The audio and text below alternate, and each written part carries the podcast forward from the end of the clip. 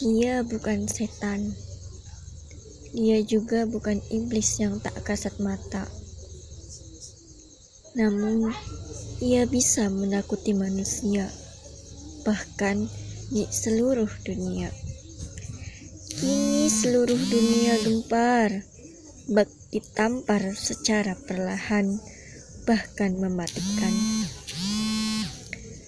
Semua berharap pada pemerintah, namun kini keputusannya mulai tak terarah. Dari mulai yang biasa-biasa saja hingga yang paling parah. Ia hanya tentara kecilnya yang menggemparkan bumi manusia. Ia tak bisa diraba dengan panca indera. Iya, dia adalah virus bernama corona.